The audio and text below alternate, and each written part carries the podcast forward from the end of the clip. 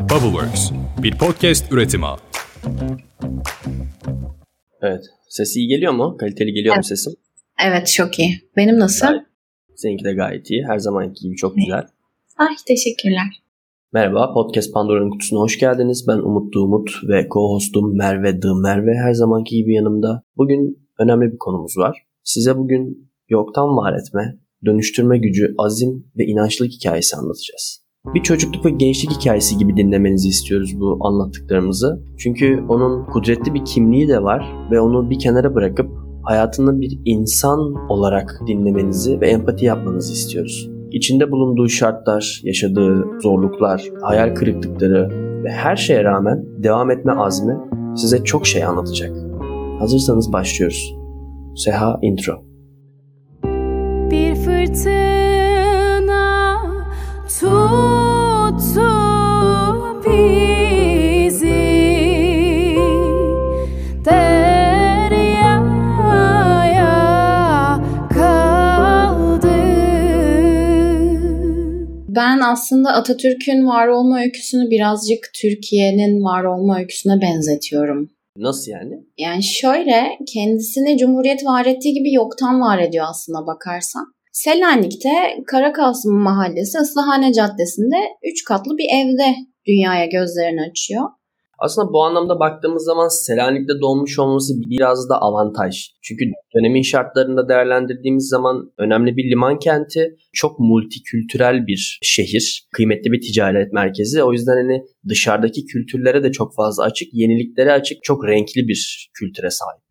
Yani evet aslına bakarsan bu onun birazcık da kişilik özelliklerinin ve kültürel altyapısının oluşmasına zemin hazırlıyor. Bu çok doğru ama bir yandan da şöyle bir durum var. Belli başlı sağlık sorunları var. Kendisi doğmadan önce 3 tane kardeşi vefat ediyor. Bak bunlar ölü doğum değil bu arada ya da düşük de değil. Gayet 2-3 yaşında ikisi kız bir tane de 7 yaşında erkek olan abi ve ablaları vefat ediyor. Yani salgın hastalık ya da sağlık sisteminin kötü olduğunu gösteriyor bu da o dönemde. Aslında sadece sağlık sisteminin kötü olması gibi de değil de bir şunu da anlayabiliyoruz belki de buradan. Yani sosyoekonomik olarak çok kalburüstü bir ailede doğmayıp çünkü yani çocuklarını yaşatabilecek bir imkanları olmayan bir ailede dünyaya geldiğini görebiliyoruz. Çocukluğuyla ilgili şöyle bir şey söyleniyor. Annesiyle babası arasında 20 yaş var. Babası odun ticareti yapıyormuş öyle diyebiliyoruz. Aileyi zar zor geçindiren bir baba var. Çocukluğuna ilişkinde şöyle bir şey söylediğini biliyoruz. Çocukken fakirdim. İki kuruş elime geçince bunun bir kuruşunu kitaba verirdim. Eğer böyle olmasaydı bugün de burada olamazdım. Evet. Yani okul hayatına değinecek olursak birazcık eğitimine hepimiz biliyoruz ki başlangıçta annesi ısrarla dini eğitim almasını istiyor. Mahalle mektebine gönderilmesini istiyor. Aslında mesela düşünsene e, senaryonun o şekilde devam ettiğini. Paralel gerçekliğe geçelim. Mustafa o zaman Kemal bile değil. Mustafa sadece dini bir eğitim alıyor ve işte orada bir hocalık yapıyor tırnak içinde. Ve adı sadece Mustafa olarak kalıyor. Mustafa Hoca. Yani ben muhteşem bir alim olacağına, muhteşem bir din alimi olacağına da eminim ama iyi ki olmamış. Evet ilk senaryo bu şekilde devam etmiş diyebilirim ben kendi adıma. Yani o noktada sanırım biraz babasının otoritesini konuşturmasıyla gerçekleşiyor mahalle mektebinden uzaklaşması. Asker olmaya teşvik eden babası Atatürk'ü ve teşekkürler ki binlerce kez sayesinde insanlık Atatürk gibi bir lider kazanıyor. 7 yaşındayken çok küçük yaşta babasını kaybediyor ve babasının ölümünden 7 yıl sonra da anne evleniyor. Orada annesine derin bir küslük başlıyor. Yani yeniden evlendiği için kalbi paramparça ve evlendiği adamı kabul edemiyor. O nedenle de 14 yaşında boynu bükük şekilde çantasını alıyor ve evi terk edip manastıra gidiyor. Yani baktığın zaman 14 yaşında bir çocuk yani 14. Bizi dinleyen anne babalar hani 14 yaşındaki genç kardeşlerimiz kendinizi çocuğunuzu bir onun yerine koyarak düşünün. Baba gitmiş, anne evlenmiş, ailede yabancı bir adam var, parasızlık, Osmanlı'nın hali ortada ve evden uzakta parasız bir yatılı okula gidiyor. Yani 14 yaşında körpecik bir çocuktan bahsediyoruz. Bir de hani nasıl bir ruh haliyle gittiğini düşünün. Hani kaçmaya çalışmış. Geri dönebilirdi ya da geri düşebilirdi. Umutsuzluğa sürüklenip pes edebilirdi. ya da kaybolup gidebilirdi. Yani çünkü çok küçük. Hayata kaç sıfır geride başladığını bence biraz gösteriyor bu bize. Ama ondaki bu küskünlük ve e, içinde yaşadığı derin yalnızlık hissi bence onu kamçılayan bir şey oluyor ve belki de motivasyonu bu oluyor hayatının geri kalanında da bunu gözlemleyebiliyoruz. Yani yaşadığı musibetlerden e, ders alıp hayatına devam edebilen bir karakter yapısı var. Daha sonrasında zaten Manastır'a geçiyor aileyi terk edip. Gençlik yıllarında başlıyor aslında biraz şeye e, kafayı memleket meselelerine yormaya. Askerlik ve siyasete ilgi duyması bu dönemde vuku buluyor. Hı hı. Yani o dönem zaten Osmanlı açısından oldukça e, travmatik ve trajik bir dönem. 1897'de Türk-Yunan Savaşı sırasında Manastır'da askeri idadide öğrenci o sıra. Ve savaş kazanılıyor ama beceriksiz yöneticiler sağ olsun yine masada kaybediyoruz. Bu da dolayısıyla içinde çok büyük bir öfkeye sebep oluyor ve tam politize olmaya başlaması buralara denk geliyor.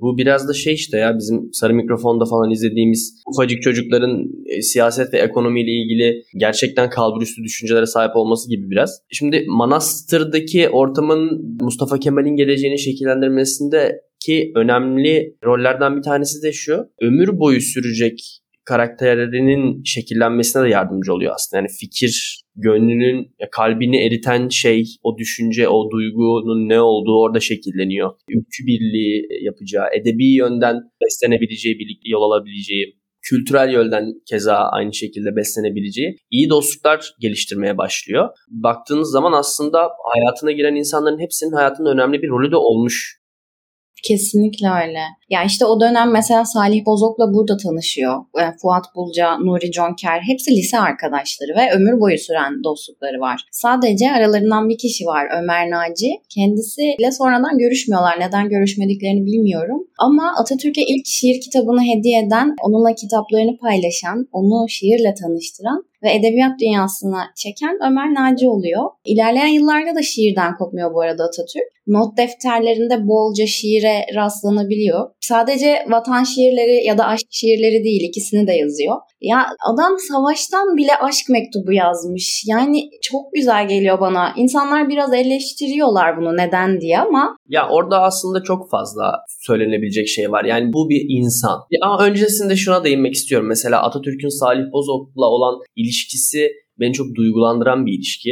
Bilmeyenler için mesela şöyle bir hikayesi var Salih Bozok'un. Atatürk öldükten sonra ölüm haberini aldığı anda ki hayat boyunca yaverliğini yapmış Salih Bozok Mustafa Kemal'in. Ölüm haberini aldığı anda odasına gidiyor kapıyı kilitliyor ve e, silahı göğsüne dayayıp intihar ediyor. Ölmüyor sonuç olarak fakat böyle bir hamlesi var. Sebebi de şu şunu söylüyor. Ata yaversiz gitmez diyor. Ve hani canına kıyıyor Atatürk öldükten sonra. Çok fazla kıymet verdiğini anlayabiliyoruz buradan. Hani bu yaptığı hareketi çok farklı pencerelerden tabii ki inceleyebiliriz ama bu beni birazcık etkileyen bir ilişki aralarındaki. Bu hani harp döneminde aşk mektubu yazması ile ilgili olan eleştirileri de Bilmiyorum eleştirilmesi doğru mu? Çünkü birazcık da şöyle bir şey. İnsan motive olmak istiyor. Yani sonuçta harp dediğin şey, yani savaş dediğin şey ve bunu dinleyen insanların zannediyorum ki hiçbirinin gördüğü bir şey değil. içinde bulunduğu bir şey değil. Oradaki hissiyat, motivasyon kaybı, hayata tutunmayla ilgili o inanç. Şimdi duygularını perçinlediğin zaman ya da e, seni hayatta tutan bir duygu olduğu zaman bu sefer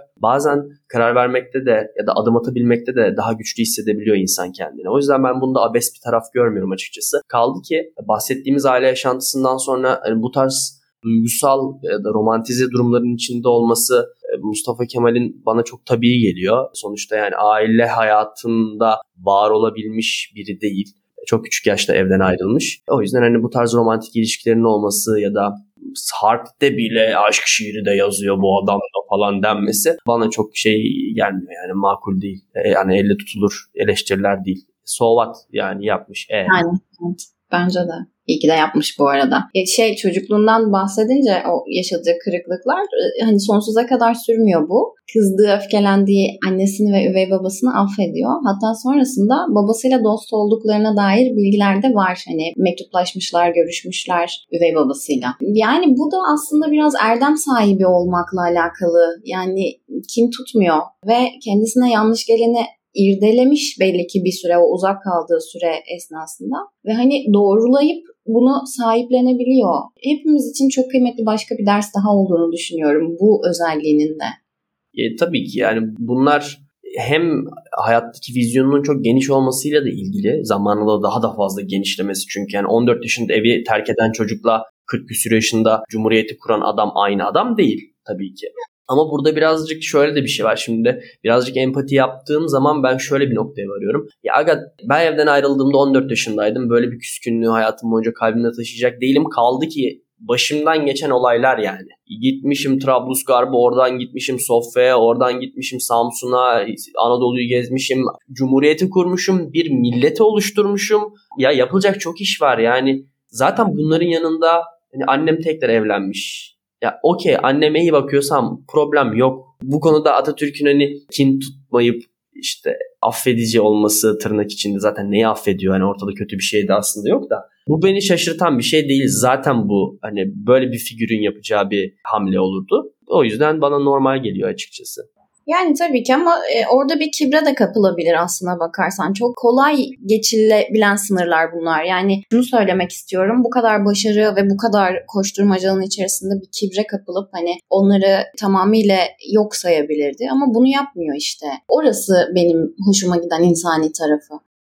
Kesinlikle yani o şeyi ayırmayı bilmiş adam. Ee, ondan da birazdan bahsedeceğiz. Yani insani olan tarafı o, o ego dediğin şey aslında o insanlık bilinci birazcık yani insani vasıflar. İnsani olan vasfımızda var ego. Bir o var bir de hani o daha tanrısal da tanrısal dediğim hepimizin içinde bulunan bir şey. Yani Atatürk'ü yüceltmek için söylemiyorum bunu ama e, hani e, insanlıktan soyutlandığı daha olgu olarak var olabilen yerden baktığında da o şeyi ayırabilmeyi bilmiş bence o işte insani tarafıyla işte kibir bilmem ne bunları yönetebilmiş bunların üstüne çıkabilmiş bunları kontrol altına alabilmiş bir gelişimi var. Evet bu aslına bakarsan hani aileden uzak oluşuyor, sürekli savaş halinde oluşuyor. Onu bir makineye ya da bir robota da çevirmemiş. Yani bir Hitler de olabilirdi aslına baktığın zaman elindeki o gücü kuvveti fark ettiği an. O bunu yapmıyor. Yani şey de yok onun hayatında. Makine gibi, robot gibi sabah içtiması, gece nöbeti, işte savaş, siyaset onun arasına herhangi bir şey sıkıştırmıyor gibi bir durumu da yok. Yani sürekli ruhunu besliyor. Edebiyatla olsun, kültür sanatla işte mesela bu az önce bahsettiğimiz şiirlerinden bir tanesi enfes ya. Hani 1926'da Salih Bozok'un defterine dikte ettirdiği bir şiir ve Fikriye Hanım'a yazıyor bu şiiri. Güzel yani ben çok etkilendim baktığında. Fikriye Hanım'ın vefatından sonra yazdığı bir şiir. Okumamı ister misin? E, hepsini okumak zorunda değilsin bu arada hani bir iki kıta da olsa olur. Varsın çeksin bu dima unutmaz seni. Kimse dolduramaz yürekteki yerini.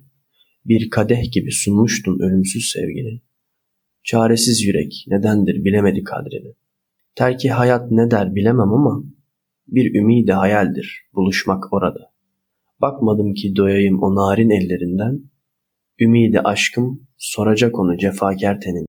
Magazinel bir romantik tarafı da var. Olsun canım o kadar. Ya ve zamanın en iyi Hollywood yıldızları ile ilgili falan böyle çıkan haberler var. Ne kadar doğru ne kadar yanlış bilmiyorum ama şimdi o magazinel tarafına girmeyelim. Manastır'da okuduğu dönem hocalarından azar işitiyor böyle bol bol. Hani sen askersin, senin işin askerlik, işte askerlik yapacaksın, edebiyat değil falan diye kızıyor öğretmenleri ama o işte gizli gizli okuyup tarz böyle edebi tarafını geliştirmeye devam ediyor. Namık Kemal'i tanıyor mesela. Vatanseverlik kavramıyla tanışıyor düşünce yapısı işte o dönemler daha da fazla şekillenmeye başlıyor. Artık gerçek anlamda bizim bildiğimiz yani yaptığını bildiğimiz şeyleri oluşturmaya başlıyor kafasında. İşte yaz tatillerinde Fransızca dersleri alıyor mesela.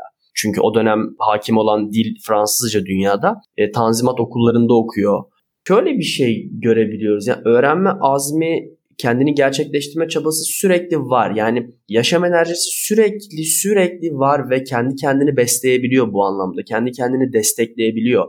Kendini destekleyip besleyemediği yerlerde buna ilişkin dostluklar da sunmuş hayat ona. Bu birazcık şey ya. Hani ona mani olmuş da diyebiliriz. Gerçekten o kendi yolunda yürümeyi bulmuş o yol hangi yolsa ve o yolda yürümeyi sürdürmüş, korkmamış kendi yolunda adımlar atmış ve hayatta biraz da mükafatlandırmış. Olması gereken zamanlarda, olması gereken yerlerde oldurmuş hayatta biraz onu. Çünkü mesela baktığımız zaman kişisel gelişim alanında ve şu anda biz 2022'de bunlar bunlar yapılmalı falan diye atıp tuttuğumuz şeyler elimizde bilimsel veriler de var tabii ki bununla ilgili ama 1800'lerin sonundan bahsediyoruz. Yani bu adam çok içgüdüsel bir şekilde geliştirmiş kendini. Doğru hamleleri yaparak tırnak içinde. Çok farklı alanlarda kendini geliştirip daha sonrasında o kendini geliştirdiği, öğrendiği alanları birbiriyle perçinleyip yeni bakış açıları kazanabilmiş. Zaten aslında takdire şayan olan taraflarından bir tanesi de o ya imkansızlıkların içinde bunları başarabilmesi. Yani bizim şu an elimizdeki imkanlarla kıyasladığımız zaman çok zor bir dönemden bahsediyoruz. Tabii ki. Yani baktığın zaman manastır döneminde İstanbul'a gelene kadar kitap bulamıyor. Bulduğu kitapları da senin söylediğin gibi gizli gizli okuyor aslına bakarsan. Yani o dönem yine kendisini destekleyen ve besleyen ilişkilerinden birisi de Fethi Okyar'la olan arkadaşlığı. Fransızcasının gelişmesine çok büyük katkısı var. E, sürekli birbirleriyle Fransızca pratiği yaptıkları biliniyor. Ve o dönem İstanbul'da bir e, kadın arkadaşı var. Madame Corin. Madame Corin İstanbul'da Pera'da yaşayan bir kadın ve dönemin önde gelen diplomatlarından birinin eşi sanıyorum ki. Eşi vefat etmiş ya da ayrılmışlar oradan da emin değilim. Dul e, olarak okumuştum okuduğum yerde. Fransızca mektuplaşıyorlar 3 seneye yakın. İşte İstanbul'da yine kültür, sanat, siyaset konuşmalarının, tartışmalarının yapıldığı bir partide tanışıyorlar ve, bu dostluğu da 3 yıl boyunca sürdürmüşler. Yani her yerden beslemiş kendini. Tanıdığı, elini uzattığı, herkesten bir şeyler almaya çalışmış gibi geliyor bana. Evet mesela burada dikkatimi çeken şeylerden bir tanesi de şu. Şimdi o dönemde 3 yıl boyunca mektuplaşarak bir kadınla bir erkeğin arkadaşlığını sürdürebilmesi de iş. Burada mesela şunu da görebiliyoruz. Atatürk'ün feminen bir tarafı var. Yani bir kadınla kadın gibi ilişki kurup ilişkisini devam et. Ya bu şeyden bahsetmiyorum. Ya buluşup da maniküre gidiyorlar değil. Hani feminen bir dostluktan bahsettiğim şey bu. Yani bir kadınla bir erkeğin ilişkisini o dönemki ilişki kalıbını kıyasladığımız zaman yani entelektüel bir zeminde buluşup bu dostluğu devam ettirebilmek de bir iş aslında. Şey de önemli tabii ki yani. Sonuçta hayat şartları değişiyor olabilir ama insan aynı. Yani o dönemde yine ikililik var. Her insanın bedeninde feminen ve maskülen taraflar var. Ben bu anlamda Atatürk'ün feminen bir tarafı olduğunu da görebiliyorum açıkçası. Doğru. Harbiye'den sonra 1905'te görev yerlerine Edirne ve Selanik'te ikinci ve üçüncü orduya gönderilecekler. Askeri okul bittikten sonra. Evet evet ve üstleri diyor ki arkadaşlarınızın arasında kura çekmeniz şart değil anlaşsanız da olur kendi aranızda hani kim nereye gidecek vesaire. Fakat çok çabuk anlaştıklarını görüyorlar ve birazcık böyle şüphe çekiyor bu durum. Atatürk de zaten böyle çok göze batan bir adam bu anlamda. Şam'a gönderiliyor. Yani tırnak içinde sürülüyor aslında. Ve bir küslük dönemi başlıyor biraz yine orada. Evet orada içinde yetiştiği kültüre karşı da birazcık yani kültür dedim bu askeri kültüre karşı birazcık yani bununla bazı şeyler doğru değil galiba. Aga demeye başladığı dönem bunlar. O Şam'da çok önemli bir olay yaşıyor. Kurmaylık stajı için gönderildiği Hayfa'da deniz kenarında bir acemi birliğinde erlerin çoğu bölgeden toplanmış Araplar ve e, öğretici kıtada tecrübeli kıta çavuşları olan Türklerden oluşuyor. Orada bir yüzbaşının çavuş bir Türk gencin milli onurunu ağır şekilde hançerleyen Türk sözleriyle azarlamaya başladığını görüyor.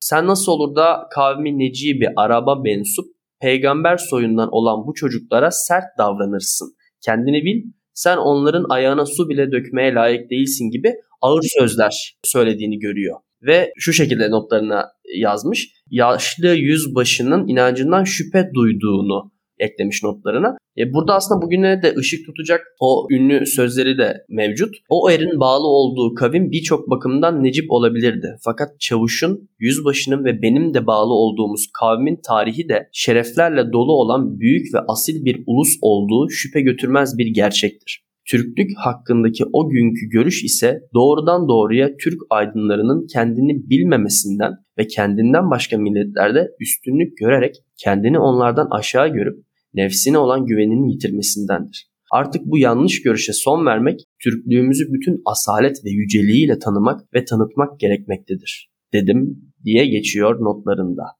Ne de güzel demiş. Ben bu mülteci problemlerinin başladığı zamanlarda bu öyküyü yeni öğrendim ne yazık ki. Böyle bir anısının olduğunu daha doğrusu. Şey sözü o kadar etkiledi ki beni. Bir Anadolu çocuğunun iki damla gözyaşında Türklük şuuruna erdim diyor mesela. Yani ve benim yegane fahirim, servetim Türklükten başka bir şey değildir demiş. Yani burada aslında ırkçılıktan da bahsetmiyor. Bu Türklük diye bahsettiği şeyi bu kadar uç tarafa çekip bu kadar saptırmanın hiçbir anlamı olduğunu düşünmüyorum. Çünkü burası eğer Türkiye ise burada yaşayan buranın vatandaşı olan herkes de ne vatandaşı? Türk vatandaşı yani. O yüzden Türklüğün korunması gerektiğini düşünüyorum ben kendi adıma. Şam'a geri dönecek olursak, e, bu konuyu çok uzatmak istemiyorum. Bir nevi senin de dediğin gibi sürgünde hayatını yine gözden geçirme fırsatı buluyor orada. Direncini ve mücadele gücünü de yine asla bırakmıyor. Ve sağlık sorunları yaşanıyor dönem Şam'da. Onun da bir takım sağlık problemleri oluyor ama ona rağmen oradan nasıl sıyrıldı da böyle bir mucize yaratabildi diye insan gerçekten hayret ediyor. Sonrasında Sofya dönemi geliyor zaten. Artık e, olanın bitenin farkında birazcık hani e, o İstanbul'daki ve saraydaki sefahat ve rahatlığın doğuda taşrada olmadığını görüyor. Ve hani artık belli başlı toprakları kazanabileceklerine olan inancı ya da hani orayı koruyabileceklerine olan inancı birazcık azalmaya başlıyor. Ve yeni yeni e, alternatif arayışı başlıyor. Sofya'ya geçtiğinde Cumhuriyet'in ve yarınki Türkiye'nin nasıl kurulacağını olacağını hayal etmeye başlıyor diyebiliriz. Evet aslında şey Cumhuriyet kelimesinin kelime olarak değil belki ama fikrinin kafasında perçinlenmeye başladığı dönemler o dönemler sanıyorum. Paris'e bir askeri tatbikat izlemeye gidiyor sanırım o dönemlerde. Orada gördüğü yani şeyi kıyaslayabiliyor. Kendi içinde yetiştiği Osmanlı ordusunun dışında bir orduyu aslında tanıklık ediyor. Batı ordusunu, Fransa gibi bir e, işte devletin ordusunu tatbikatını izlemeye gidiyor ve aslında bunlar hepsi tabii ki vizyonu genişleten tecrübeler. Ve şeyi görebiliyor yani Osmanlı ordusunun askeri olarak ne kadar geri kaldığını gözlemleyebiliyor. Ve hani Sofya'da kültürel ve siyasi olarak aynı şekilde Batı dünyasının düşüncelerine içeriden vakıf olabiliyor. Çünkü bu hani alıp da mecmua okumak gibi bir şey değil. Kültürün kendi içinde var olmak birbirinden farklı şeyler. Ve o dönemlerde şey de gelişiyor aslında işte yurttaşlık bilinci, siyasi direnç, yeni Türkiye üzerine düşünmesine zemin hazırlayan düşünceler bunlar. Çünkü biraz hani şey diye bir cümle var ya evrensel olmayan yerli olamaz gibi bir cümle. Biraz da böyle bir şey var tabii ki yani bunlar da zemin hazırlıyor bu tarz düşüncelere. Yani aslında Sofya onun birçok fikrinin şekillenmeye başladığı bir yer. Bence orada köylü milletin efendisidir sözü de Sofya'dan kalma bir anıdan geliyor bana kalırsa. Şöyle bir gün bir kafede oturuyor ve yan masasına köylü kıyafetleriyle bir adam gelip oturuyor. Ve garsonların ona ne kadar kötü davrandıklarını görüyor. İşte kalk git buradan tarzı şeyler söylüyorlar. Adam orada şunu söylüyor. Yani bir dakika diyor yani tamam ben köylüyüm diye bana bunları yapıyorsunuz ama hani siz benim bu ülkenin asıl sahibi olduğumu unutuyorsunuz. Yani siz benim ekmeğimi yiyorsunuz diyor. Benim buğdayımı kullanıyorsunuz. Hani buranın asıl sahibi benim diyor. Yani işte orada hakikaten köylü milletin efendisidir fikri doğuyor bir bakıma. Yurttaşlık ve eşitlik fikrini tatmaya başlıyor. Baktığın zaman yine yaşanan bir olumsuzluktan kendine ne kadar güzel bir ders çıkardığını görüyoruz. Hayatın ana sanıklarını hep öğrenmek ve gelişmek için kullanıyor. Kendini ve hayallerini gerçekleştirmek için biraz. Bir gün Sofya'nın müzikli bir çay bahçesinde birden yanı başıma bir Bulgar köylüsü geldi. Garson onunla ilgilenmekten hoşlanmadı. Köylü, Bulgaristan benim çalışmamla yaşatılıyor. Bulgaristan benim tüfeğimle korunuyor. Verin çayımı pastamı alın parasını dedi. Ben de köylüden yana çıktım. Benim de köylüm böyle olmalı dedim. İşte böyle olmalı biraz bunu şey gibi görüyorum. Dumbledore'un düşünseli var ya işte böyle zihninden çekip alıyor düşünceleri ve onları biriktiriyor. Bu anlamda ya buna yakın bir şeyi var. Çok fazla notu var. Atatürk'ün tuttuğu çok fazla not var işte. Hep referans olarak da gösteriyoruz Atatürk notlarından derlenmiştir vesaire diye. Çünkü çok fazla not alıyor. Okuduğu kitapların üstüne çok fazla not alıyor. Çok fazla defteri var. Düşüncelerini dikte ettiği çok fazla arşivlenen dosyalar var. 30'lu yaşlarında Carlsbad'da tedavi görürken tuttuğu bir defter var mesela.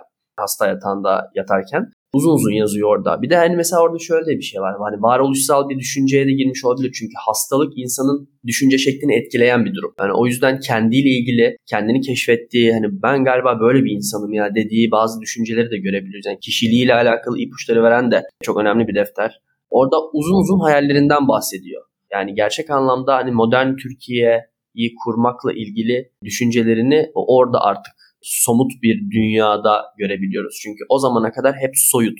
Yani Atatürk onları bir unutsa bitti. Ama orada artık en azından yazılı halde e, maddi dünyada var olmaya başlıyor. Türkiye Cumhuriyeti fikri, kılık kıyafet devrimi bunların hepsinin e, ipuçları var. Cumhuriyetin ipuçları var aynı şekilde. Şimdi bu fikirlerin e, dışa vurumunun yani yapılmış olması aslında bunlar fikren tabii ki Mustafa Kemal'in kafasında var olan şeyler ama o gece katıldığı baloda aslında zorluyor onu bu düşünceler artık ifade edilmek için. Elçilikte görevli bir adamın eşi var ve Atatürk'e şunu söylüyor. Yani işte böyle bir hayat ne kadar zor diyor ve bu bahsettiği şey aslında Osmanlı'da kadın olmak. Evet, biz burada bu şekilde yaşayamazdık tarzı şeyler söylüyor orada.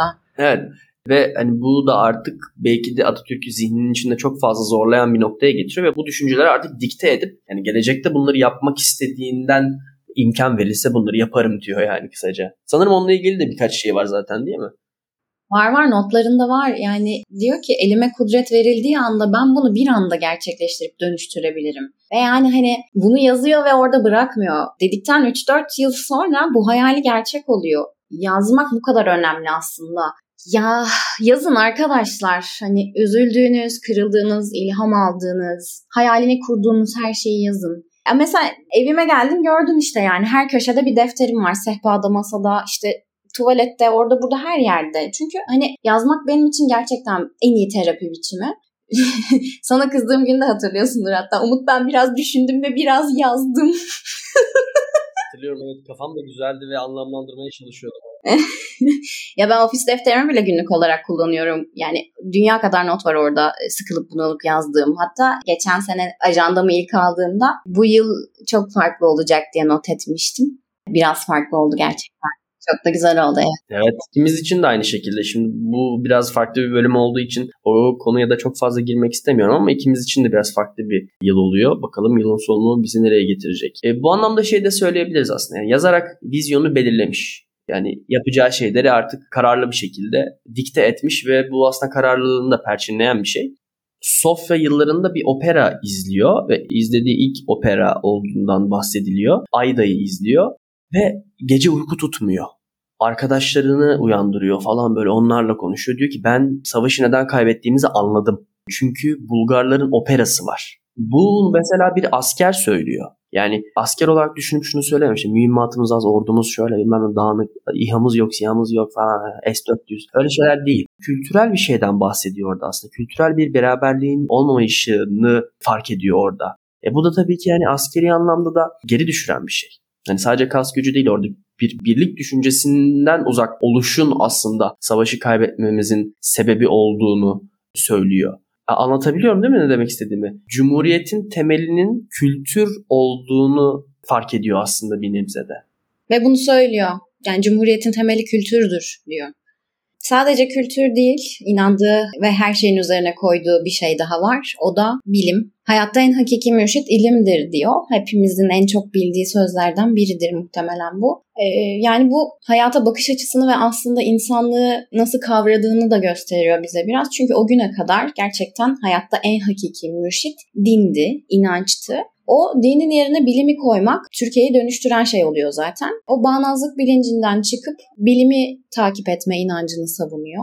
Evet mesela şöyle bir söylemi var. Ben manevi miras olarak hiçbir dogma, hiçbir donmuş, kalıplaşmış kural bırakmıyorum. Benim manevi mirasım ilim ve akıldır. Benden sonra beni benimsemek isteyenler bu temel mihver üzerinde akıl ve ilmin rehberliğini kabul ederse manevi mirasçılarım olurlar. Adam burada benimle ters düşerseniz mantığı tercih edin diyor yani. Okey diyor. Benim diyor bir öngörüm var diyor.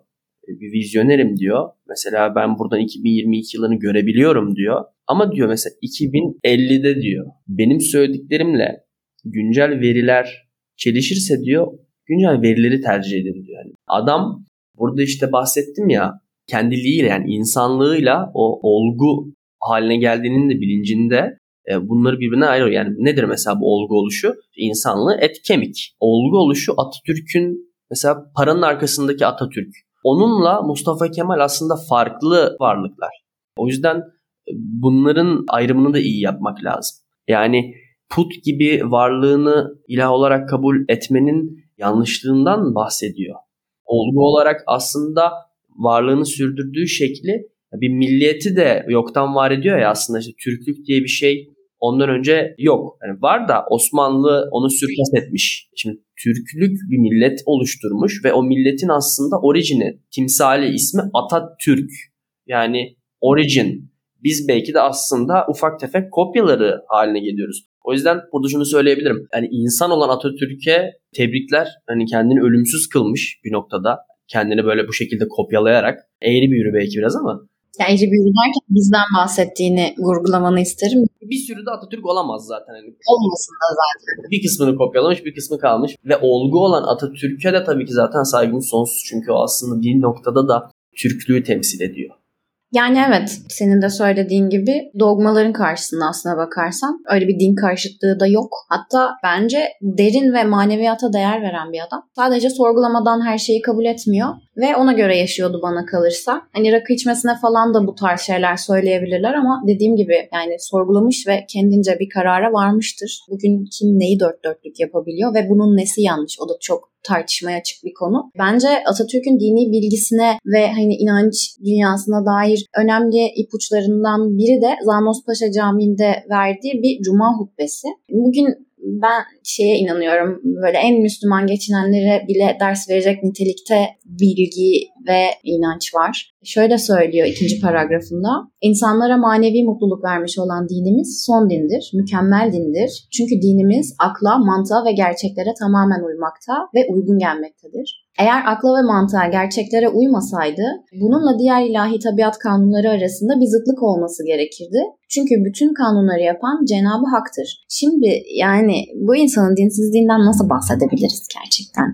Aslında yaratmaya çalıştığı şey dinin suistimal edilebilirliği çok açık. Çok açık bir şekilde suistimal edilebilir çünkü. Herkesin maneviyatı, e, yaşayış şekli ve derinliği bir değil ve insanlar bu anlamda guidance'a ihtiyaç duyuyorlar. Yani yol gösterilmeye ihtiyaç duyuyorlar ve manevi anlamda yol gösterilmeye ihtiyaç duyan insanlar olduğu müddetçe dünyada bir yerde bunu suistimal edecek olan insanlar da hazırda bekliyorlar. Her zaman olduğu gibi. Bugün ve yarın yani. Hep olacak. Evet bu aynı şekilde Atatürk'ün imzasını alnına dövme yaptıranlar da buna dahil aslında yani çok farklı şeyler değil. Sanki bana şey gibi geliyor hatta böyle aşırı Kemalist falan böyle hani Atatürkçülük kelimesinin altında birazcık boş kalıyor yani çoğu Evet boş kalıyor. Boşaltıldığı gibi geliyor aslında. Evet. Evet. Sanki şey gibi böyle hani Atatürk karşıtı olan bir güruh var ve böyle aşırı Atatürkçü olan bir güruh var. İşte Kemalizm ve Mustafa Kemal dövmesi, arabama da resmi, oraya da tişörtü bilmem ne falan. Rakı bardağıma işte portresi. Rakı bardağıma da atam da beyaz leblebi yerdi.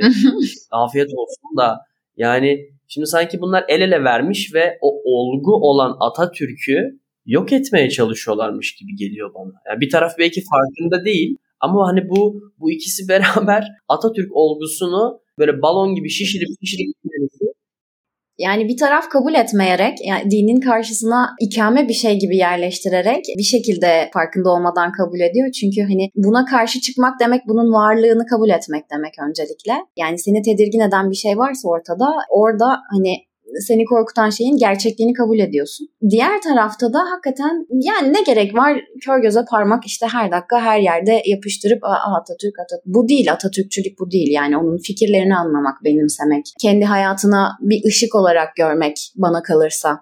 E, adam diyor kendisi de söylüyor zaten. E neden hala anlamamakta ısrar ettiğinizi ben e, hakikaten algılayamıyorum şunu söylüyor ya işte iki Mustafa Kemal vardır. Biri ben et ve kemik geçici Mustafa Kemal. ikinci Mustafa Kemal onu ben kelimesiyle ifade edemem. O ben değildir işte bizdir. Olguluktan bahsediyor işte o paranın arkasındaki fotoğrafından bahsediyor mesela. O memleketin her köşesinde yeni fikir ve büyük ülke için uğraşan aydın ve savaşçı bir topluluktur. Aslında gerçekten Mustafa Kemal o ikinci olgu olan Mustafa Kemal belki Aziz Nesin'de işte belki olimpiyat madalyası kazanan sporcularımızda Anlatabiliyor muyum ne demek istediğimi? İşte ben diyor onların rüyasını temsil ediyorum. Doğru. Benim teşebbüsüm onların özlemini çektikleri şeyi tatmin içindir. O Mustafa Kemal sizsiniz diyor. Hepinizsiniz diyor. Geçici olmayan yaşaması ve başarılı olması gereken Mustafa Kemal olur. Ünlem ayrıca şunu da söylüyor.